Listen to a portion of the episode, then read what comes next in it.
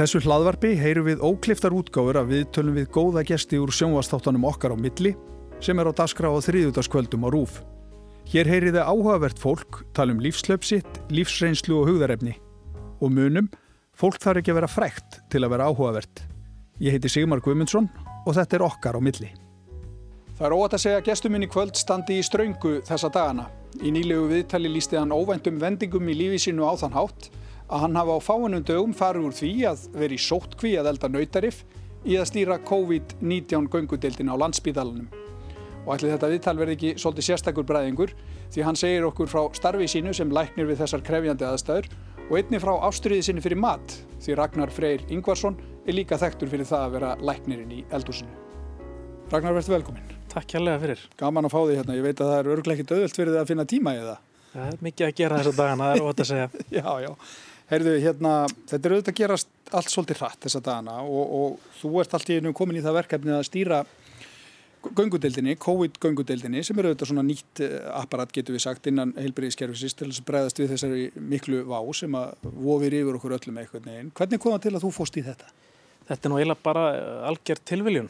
Ég syns að var settur í sóttkví, ég er einn af þessum syndaselum sem fór til Östuríkis á skýði, veiktist þó ekki. Nei en eh, sem sagt vika eftir ég kem heim þá var svona reglum breytt og okkur tilkynnt að við ættum að fara í sóttkví og svo ringir hann Ólaður Guðlusson sem er semst yfirleiknar á síkingaverðadeildin í mig og segir bara getur hjálpa til mm. og þá sem sagt hafið tilfellum fjölga þarna á tíu dögum úr einu í cirka 80 mm. og þeir bara orskuði eftir því að fá aðstóð og ég satt bara heima hjá mér í sóttkví og mm. ætlaði að hérna, vera bara að elda og leika mér já, já. þannig að ég fór að ringja í sjúklinga sem var náttúrulega mjög áhugavert og gefandi mm. það er hann að stiðja við á þessum veikindum og allar þessari óvissu og svo bara gegna þessi samtöl þá kviknuðu svona hugmyndir okkar í milli sem vorum að sinna þessu hvort að við ættum ekki að gera þetta einhvern veginn skipulegan hátt og þetta fór bara einhvern veginn á flug mm. bara á fymta degi, þetta á sunnudeginum þá Eh, er ég bara beðin um það að hvort að verða skipulegin einhvern veginn, myndi ég leiða það? Og svo bara eh, tveimur, þreimur dögum síðar þá segir hann Rúnólur Pálsson yfir maður minn og eh, vilt þú ekki vera yfirleiknir þessara göngudeldar og ég segi bara jújú og, og allt í enu er bara komin til risa símavöktuna verkefni rafræn skráning við köllum og göngudeld sem hefur hend upp mm. bókstaflega hend upp að smiðir verið að vinna hana nótt sem nýtan dag bara frá því á sko 50 deginu fyrir 10 dögum síðan mm. að við erum komið núna, að tekið nótkum bara núna eftir þess að 8 herbergi og dagdelt mm. og aðstæða til alls einangrunar, einangrunar, einangrunar herbergi og staff til að vinna þetta allt saman mm. fólk til að ringja og hjúku til að sjúklingum og læknar til að fara að skoða fólk þetta er bara mm. En þetta, þetta er ekkit smáraði, ég menna þið eru með bara um það byrjar ekki þúsund mann sem það eru að fylgjast með. Já, í dag, í, bara rétt áðan voru rétt rúmlega eitt þúsund skráðurinn á göngudeildina og þar að veru kannski eh, um 90 börn sem barnaspítali ringsins sinnir og valdi tósar með það verkefni og ég sem sagt ásand bara heilu teimi af fólki mm. Eh, erum að skipulegja semst eftirlit á þessum tæplega, hvað er það, 930 manns eða eitthvað svo leiðis. Mm í dag það sem við ringjum skipuleg í alla. Þetta er allt fólki sem er veikt af veirunni eða, eða þeir sem hafa verið mjög nálagt Það má segja það að við sinnum fyrst og fremst þeim sem eru greindir sem með prófi en ef við heyrum að maka þennum veikum hliðin á þá auðvitað sinnum við honum líka. Þannig að við reynda að sinna öllu þessu fólki og, og reynum að, að finna það þegar þú ert að fara að veikjast. Og þá reynum við að kalla þið inn til okkar á göngutildina þannig að við erum með svona ímsara hugmyndir mm. um það hvern, að hvort að við getum breytt gangi mála menn, það er alls kostur óséð hvort að það gerir það en ég er alveg sannferðin um það að eftir að vera að tala velta fólk þessa daga ég meina bara stappiða stálinu ráða því heilt mm. hvetja til að drekka meðhandla enginni sín mm. létta í lundin og reyna að vera skemmtilegur Myna, þetta, þetta er lítilvægt, þetta er ekki hátt metin að læknisvæðinar en ég er algjörlega sannfærður um að þessi hlutir skipta mjög miklu máli mm. og núna er, bara, er ég að vinna bara með hópi fólk sem deilir þessari skoðun að stappa stálun í fólk og ráða því heilt og á sama tíma hann að finna finna hvenar þið fyrir að vestna þannig að við getum tekið það til okkar greinta almennilega, metið hverjir þurfa eh, svona meðferð sem við erum búin að við erum búin að útbúa svona meðferðaferil mm. þannig að hverjir þurfa, þurfa meðferð hverjir þurfa innlögn, hverjir geta farið heim. Þannig að veist, við erum að reyna að búa þetta til á svona struktúraðan hátt og það er bara á leiftur hraða gengið alveg ótrúlega með þessu, þessu sko samstilta átæki ég maður ásko ekki til orð nei, að vinna á landsbytjarnum þessa myndir Nei, nei, það, og allir fylgja skrant með ykkur og ja, þið auðvitað heyri það hvað fólk er þakklátt Veistu, já, ég bara, við, bæ, maður heyrir það náttúrulega og, og heyrir það í símtölunum að fólk kann að meta þetta og kann að meta stöðningin sem það fær og aðstóðana og ég bara, ég, og ég bara vona svo sannarlega að þetta sé gagleg þetta sé gaglegt fyrir fólk, að við mm. breytum einhverju lífið þeirra. Já, já. Það er auðvitað svolítið óvisaður það, það er svo mikið verið að fjallum þetta eðlilega allstaðar við heyrum hérna af því að fólk getið auðvitað vext mjög alvarlega og, og þó hafa nú ekki komið upp mörg tilfelli hér þá verður auðvitað fólk að deyja út af þessu sjúkdómi. Mm, hérna, hvernig er fólk svona að taka því þegar greinist og þegar þið eru með þessa eftirfylgni? Menna, það, það lítur að vera alls konar Algjörlega, það má segja fyrstu, fyrstu viðtölun þá náttúrulega var þetta mjög átakanlegt. Og sérst, fólk tók það mjög nærri sér að greinast með þennan veirusjútum að því óvissan var svo mikil. En núna þegar það liðið á faraldurinn segi þá, þá tekur það miklu léttara að því það, þetta er náttúrulega orðið svo margir mm.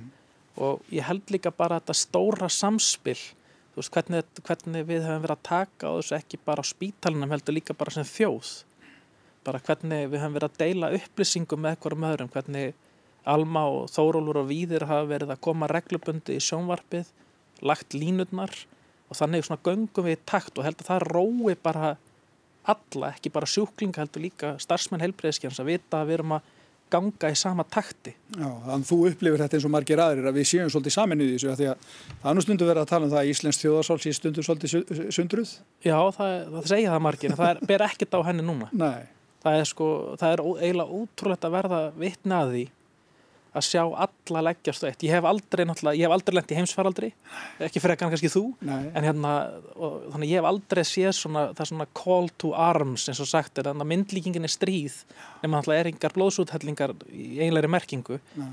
en að sjá alla bara hópast á eitt verkefni og fólk keppast til að vera með mm. ég, ég fær raunverulega e-mail á hverjum einasta degi þar sem einhver læknir býður sér fram til að vinna einhverja vinn og sömur að gefa vinnu sína. Mm. það eru hjúkurnafræðingar sem hafa sko ringt í okkur og spurt okkur hvort þau megi vera með í framlýninni ég, meni, þetta, það, ég hef bara aldrei séð þetta gerast. Nei, nei, Þetta eru þetta bara alveg frábært, það vil ég allir leggja sitt að mörgum en, en þeir sem eru í svona miklu návi við fólki sem er veikt, ég menna hvað maður að segja, þið auðvitað gerir allt til þess að hjálpa og annað. En blundar það ekki í ykkur að þið eru auðvitað möguleg smittættu þetta erum við í smittættu en ég held að við á spítalunum sem erum vel útbúin erum oft í minni smittættu en fólk út í samfélaginu.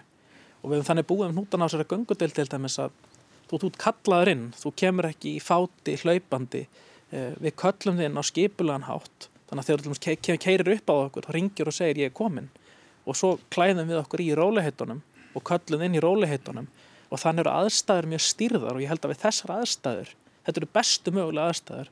Og þannig held ég að sem raunverulega ekki að leggja starfsfólki í hættu ekki nákvæmlega á göngudeildinni.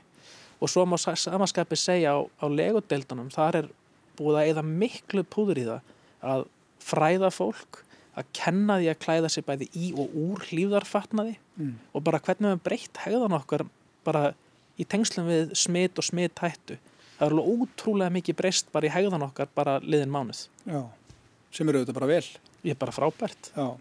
en hvað hérna við vitum auðvitað ekkert hvenar eh, það verður orðið þannig að það, þín deild verður róþur við vonum í raun og verið að það verður sem fyrst, en, sem fyrst. En, en við vitum auðvitað ekki það er svo margt sem við vitum ekki um, um sjúkdómin og veruna Já, við, sko, við lesum sömu spár og allir aðrir Já. og við treystum bara mjög á þessar spár. En það má segja að við hugsum okkur alltaf svart sínstu spanna og aðeins meir en það. Mm og aðeins lengra tímambil og ég er búin að segja það nokkur svona við annað fólk það, við verðum aldrei dæmt of hart fyrir það að vera of undirbúin. Að vera með kannski með tvölaus rúm eða eina stofu sem var aldrei notuð. Við, ég held að okkur verið algjörlega fyrirgeði fyrir það heldur hann að fara öfugt mm. og vera með of lítið. Þannig að mér finnst við vera svona að græja okkur almennilega upp fyrir þetta. Já, já En þegar þú lítur á, á, á stóru myndina og, og sér þetta eru þetta heimsfaraldur, við erum að sjá þetta fara mjög í, í svona víða um Evrópu, það eru mörg tilfelli þar, þetta er að verða alveg óskaplegt ástand í bandaregjónum og við höfum eftir að sjá þetta fara víðar, þetta er til dæmis öruglega bara rétt að byrja í Afríku, Já. svo dæmis þetta ekki. Hvernig finnst þér að fylgjast með þessu öllu? Meina, við erum auðvitað alltaf með þessa gömlu heimsfaraldra, þú veist, 1918 og svartadöða þessuna enda lengra aftur í aldri í, í huganum. Já, já. Hvernig upplifir þú þetta? Ég maður bara, ég á náttúrulega vini sem eru læknar í allum þessum landum. Ég veit alveg hvernig þeim líður, ég tala við á hverjum degi. Þannig að, og ég, eina sem maður getur gert er að það stálinu bara þau er að glýma við að, allt aðrar aðstæður en við erum að glýma við hér. Eh, ég held bara mörg lönd eins og við var að búast var bara algjörlega óundir búin fyrir hann faraldur. Og áttu þess ekki á því að þetta gæti gerst svona rætt mm. maður ímynda sér alltaf að maður hefði aðeins meiri tíma. En svo bara segir hérna lögmáluðum lókaritmiskan vöxt annað. Og mér, mér, mér sínist bara hérna að þau hefur bara skipulagt að vel og sett eh, hérna á Hérlandi réttu hlutun á stað á réttum tíma vona ég. Mm. að við virðumst alltaf að vera annað deginum í dag. Ég veit ekki alveg hvernig að vera þetta viku. Við erum með spálíkun við erum, við erum búin að reikna með því að við munum ná að manna það.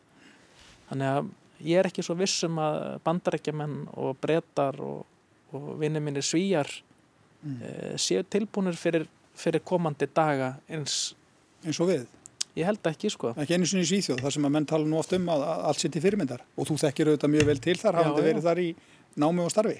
Já, ég pínur rættur um að, að, að þeirra strategíja er kannski ekki eftir að vera svo heppileg. En svo verður maður líka að gáða því, menna, það eru ótrúlega margir sem þykjast vita mjög mikið um þetta. Mm. En það, það verður að geta þess að engin okkar hefur glýmti heimsfaraldur áður og það eru meir en hundrað ár síðan að séðnast geysaði heimsfaraldur. Þannig að það er engin eftirlifandi til að spyrja uh, og ég menna að það var allt annað samfélag á þeim tíma þannig að eina sem við höfum eru spekulasjónir og svona mennar en að giska og greina og undibúa eins vel og hægt er þannig að, þannig að ég, ég, svona heilt á liti held ég að við sem að tækla þetta svona skinsamlegan hátt mm. hérna mér finnst það eins og ég, bara, eins og ég er sænsku ríkisborgari líka sko. ég, það, veist, um, ég er pínur hættur fyrir þeirra mm. Fyrir þeirra hönd? Fyrir þeirra hönd, já. En fyrir að horfa til bandaríkjana?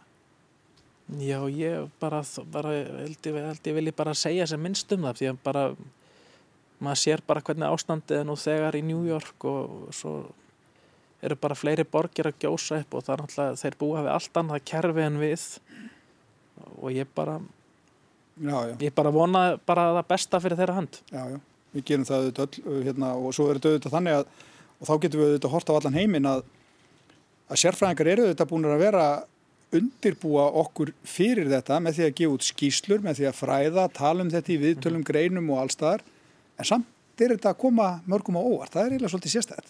Já, já, það er náttúrulega, ég menna það er náttúrulega erfitt að, ég menna, ég veit ekki hvort þú hafði reyndjón hort á þáttin hérna National Geographic, mm. Doomsday Preppers, ég menna maður finnst þið að vera pínlítið skrítnir. Já.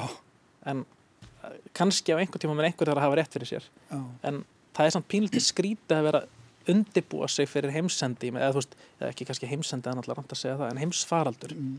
því að það er náttúrulega ég held að sé engin tilbúin að fjárfesta þessum upphæðum sem, þessum tilkostnaði.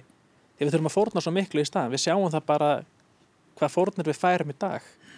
Bara, bara fyrir heilsufólks og líðan og atvinnuleysi. Mm. ég meina, væri við tilbúin að hafa þetta allt on standby alltaf Á þess að þú eru að nota það mest allan tíma? Já, Já ég meina svo bara á hundra ára fresti en við værum að neyta okkur um, um allt þetta sem okkur langar til að gera, ferðast og ég meina taka utan um hvert um annað. Við verðum alltaf, alltaf vera tilbúin að ekki gera það. Já.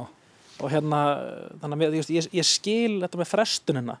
Veist, meina, það hafa allir hlusta á, eða kannski ekki allir en margir hafa hlusta á Bill Gates uh, í sinni TED fyrirlestur um þessa hættu ég meina ég las bókinans aðra kollega minns Jóhannessonar Urðarmána Já. sem kom út fyrra vor.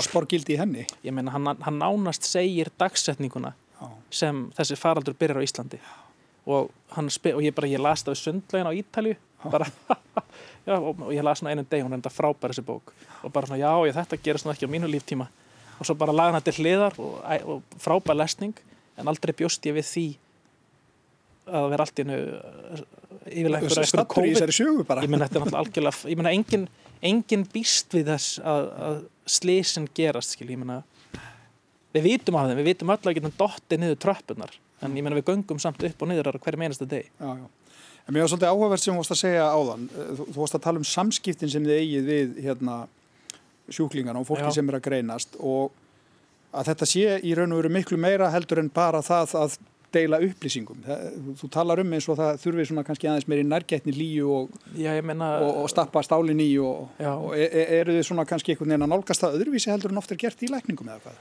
Ég, ég veit ekki, ég held ekki en ég held bara að það er augljóst að það er þörf á þessu núna þegar fólk, það er erfitt að vera í sótkví ég var í viku í sótkví mm. eh, en það er, það er er, raunverulega erfitt að vera í einangrun og ég tala nú ekki um þegar að þú ert kannski einangar að fara fjölskyldunniðni, það eru kannski lítil börn handan dyrana sem eru grátandi og þú mátt ekki fara að sinna þeim meina, þetta eru erfiðar aðstæður og ég held að maður þurfi bara að sjá það og styðja fólk í þeim og, það, mm. og ég held að það sem skipti alveg rosalega miklu máli að sjá þessa hluti að, að hvetja fólk áfram því að það er ekki bara mikilvægt sko, semst, fyrir líðan þeirra sem einstaklings það er líka mikilvægt fyrir samfélagið alltaf þau fara ekki út um dittnar mm -hmm. og smiti batni sem síðan smitar ömmuna ah, og, og þannig að við, við, það er svo margþættu tilgangur með þessu þannig að bæðir en að sína þér goða þjónustu og hlýju en á sama tíma er það í víðara samhengi fyrir samfélagi allt. Þannig að, og, þannig að ég held bara að þessi þáttur hafi bara aldrei verið eins mikilvægur. Að þú veist þegar maður er að tala í fólki einangur og það er innmanna og, og þetta er ömulega leðilegt og fyrir utan að maður er lasin já, já. margir eru bara hundveikir að þurfa að dúsa hérna einn en ég herp ekki það er bara glatað. Já, það. og þannig þarf maður bara að reyna að segja bara bæði ráðleggingar, læknisfæla ráðleggingar, engjana meðferð, vöku eintaka, en svo líka bara hlúa að sko manneskjunni sem er aðna baki. Og ég held að við séum að gera það mjög ríkul á landsbytalanum við, til og með svo gæðdeldin bara, bara bauð strax sitt fólk að koma með, og þess að þú varst að ræði uh, við hann að Berglindi yfir sálfræðing á landsbytalanum þau bara rétt upp höndundir eins. Hvernig getum við stutt við verkefnið?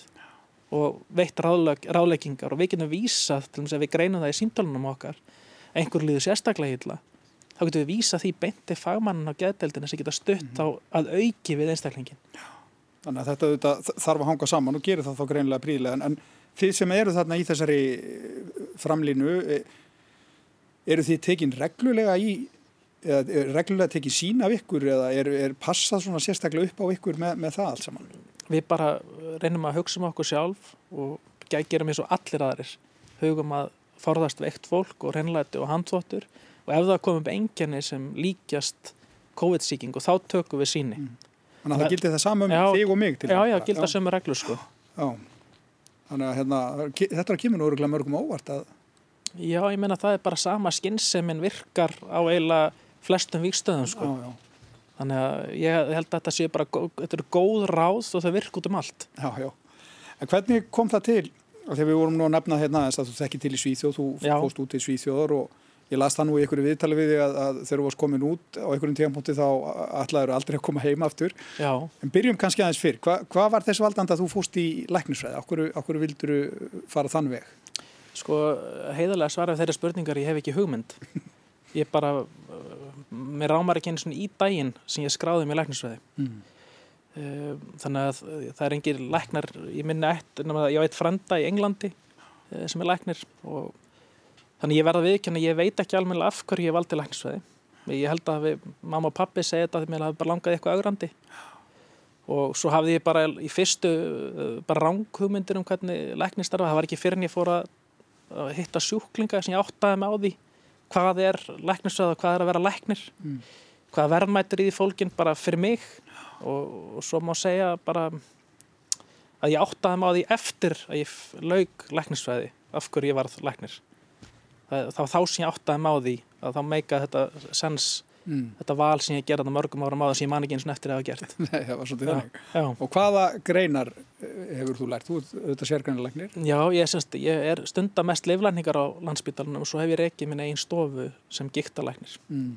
og Er það svo önnur ráðgótt af hverju þú valdir það? Ég, nei, ég man af hverju ég valdi gíklæningarnar hérna, það var hennilega bara sjúklingarnir sem völdu það fyrir mig, það er merkilt nokk ég, semst, þegar ég laug námi þá fóru allir í mínu bekki útskiptaferð til Thailands nema ég hafði á samt konum minni keift íbúð og átti ekki fyrir þessari Thailandsferð og þurfti að borga fyrir þessa íbúð. Og þá fór ég að leysa af í, e, út á landi og þar hitt ég nokkra sjúklinga þar af eitt sem með, semst, fekk nýrnarsjúkdóm og annan sem fekk sjálfgefan æðabolgusjúkdóm, allt mjög sjálfgefi sjúkdómar.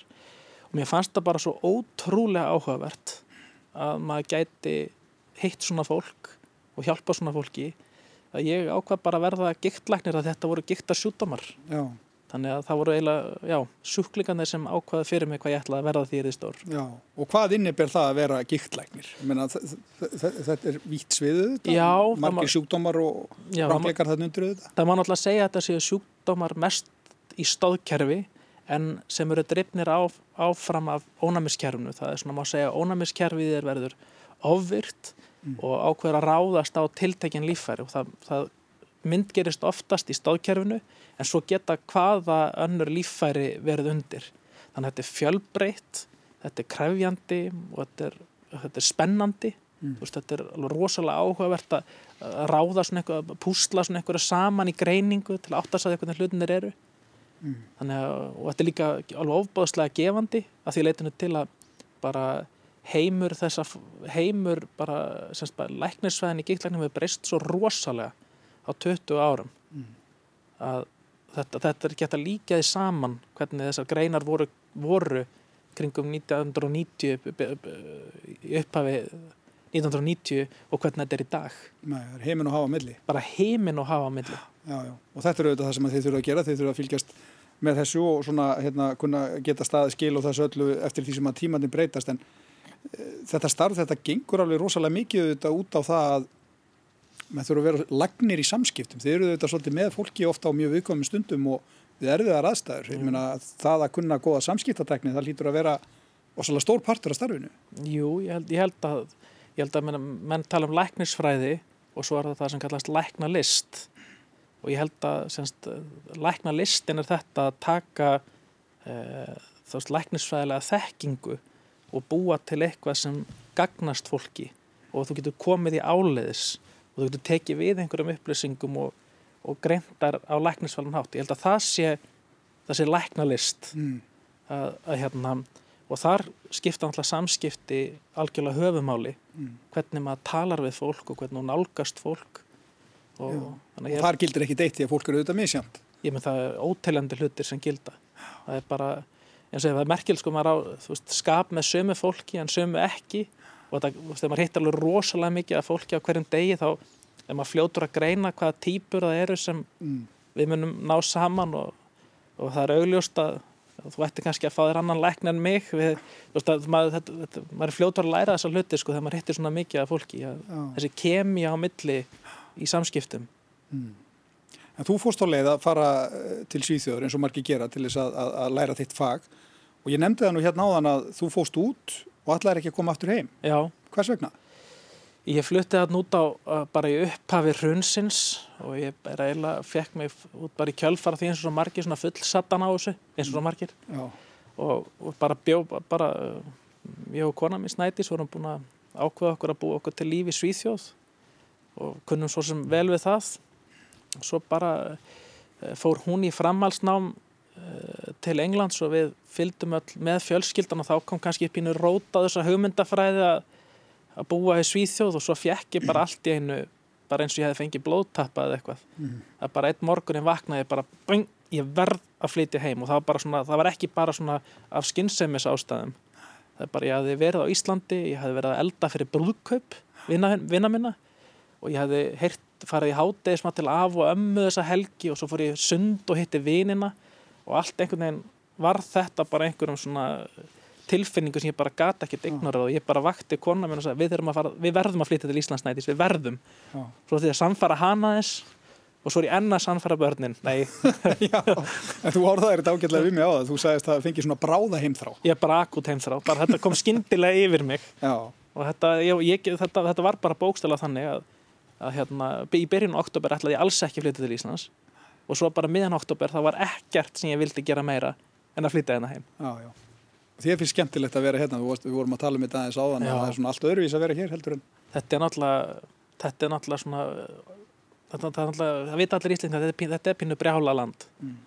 en þetta er samt, það er, bara, það er svo mikið um að vera hérna, þetta er svo, það er svo mikið þjættni af, af öllu það svo, þó við séum svo fá og þetta sé svo lítið, þá er bara endalust úrval af einhverju og fullta verkefnum mm. og bara, og líka bara minna, fjölskylda og vinnir og félagsnetið og Þetta eru þetta allt hérna, það tókar alltaf í menn og hendanum hlítur. Já, augljóst, augljóstlega, það er bara... já, já, en hérna við þetta þekkjum við ekki bara sem, sem uh, lækni, þekkjum við líka sem læknin í eldúsinu. Já, já. Og ég er svona verið að, að lesa mig til um þig og, og fylgjast með þér aðeins í gegnum tíðin og það, ég, ég ætla að lega mér að fullera það að eldamenska það er eitthvað sem er ekki bara áhuga mál, þú er mikla ástriði fyrir því. Já. Hvers vegna datt það svona stert inn? Það, sko... Hvers vegna var, varðstu læknirinn í eldúsinu? Já, það, það er náttúrulega, fóraldra mínir voru miklir svona gúrmandar og, og hafði mikinn áhuga á eldamennsku og þau smituðu mig og bróðum minn af þessum og byrjuði þetta, byrjuði þessum með svona skilda vatnum að, semst að fengum að velja og elda eina máltíði viku mm. og svo var það bara svo gaman að fá að ráða og einhvern veginn var þetta bara svona blandaðis maður inn í þetta áhugamál þegar maður fekk stundum að elda og þá fekk maður rós og það var alveg skemmtilegt og, og hérna Þannig að þú ert kokkur út af skjallinu bara. Já og það er rosalega gaman að ég, það er rosalega gaman að fá rós já. það verður að segjast og það, verður, það, það, það ánetjast að, að fá þess að fá, að, líka þetta er eitthvað allt annað sko. Veist, þetta er Þú talaði um þetta sé svona eða svolítið hugleisla og svona eitthvað Já, ég menna, þegar það eru rosalega mikið að gera í vinninu þá er, þú veist, þú hugsaður ekkert volað mikið um vinnuna þú ert með beittan hníf í hönd og ert að skera laug og það hlaumar, þú veist, eitthvað algjörlega faráleitt en þú ert bara að hugsa um það að skera ekki framann af fingrinum að þér. Og það ert að henda svo mörgu út hratt þegar þú ert að elda mat. Og svo mm og það er ennþá skemmtilega að ferð hrós og alveg rosalega gaman að ferð mikið af hrósi. Og þá líður mann alveg sérstaklega vel. Og þá vil maður gera þetta aftur. Já. og þannig bara spinnst þetta upp er, að, og svo fara menn að gefa út bækur. Já það er bara, það fór náttúrulega bara út í vittleysu sko, það verður náttúrulega bara að segjast. Ég, sko, ég, það, það byrjaði sem úlingur svo þegar ég fór að búa þá vildi ég sjá um eldu síðan að plata einhverna mína þannig að ég myndi sjá mat en hún tækið þvott á þessu það var svona, svona quid pro quo. Já. og svo einhver tíma bara ég held þetta áfram og svo byrjaði ég að blogga einhver tíma. Og það er alveg ótrúlega langt síðan ég er á 14. ári sem matabloggari. Og er það ennþá að? Já, svona af og til, ég gef þetta svona festlu í viku eða eitthvað svona aðeins minna núna í mars já, en, já, en ofta áður. Þannig að Þannig að þú ert í þessi árið þetta bara líf og sál. Ég meina, svo bara, já, svo bækur og svo einhvern veginn eh, endaði í sjómvarpi og, og þetta einhvern veginn bara gerðist einhvern veginn að því ég sagði já við einhverju, sko. Já, já, svona gerist þetta lífi bara einhvern veginn hjá já, okkur öllum. Já, þetta bara verður. Já, en þú, þú hefur lagt svolítið áherslu á það, hérna, eða þér finnst að ráefni sem að við eigum að nota, það eigi að koma hérna úr okkar bakarði. Já, helst. Þa, það, það er svolítið, Já. og það er ekki bara út af því að þið finnst það besta ráfni, það er líka bara skynsalegt að gera það. Það er náttúrulega, bæði er Íslands ráfni að mörguleiti er rosalega gott. Mm.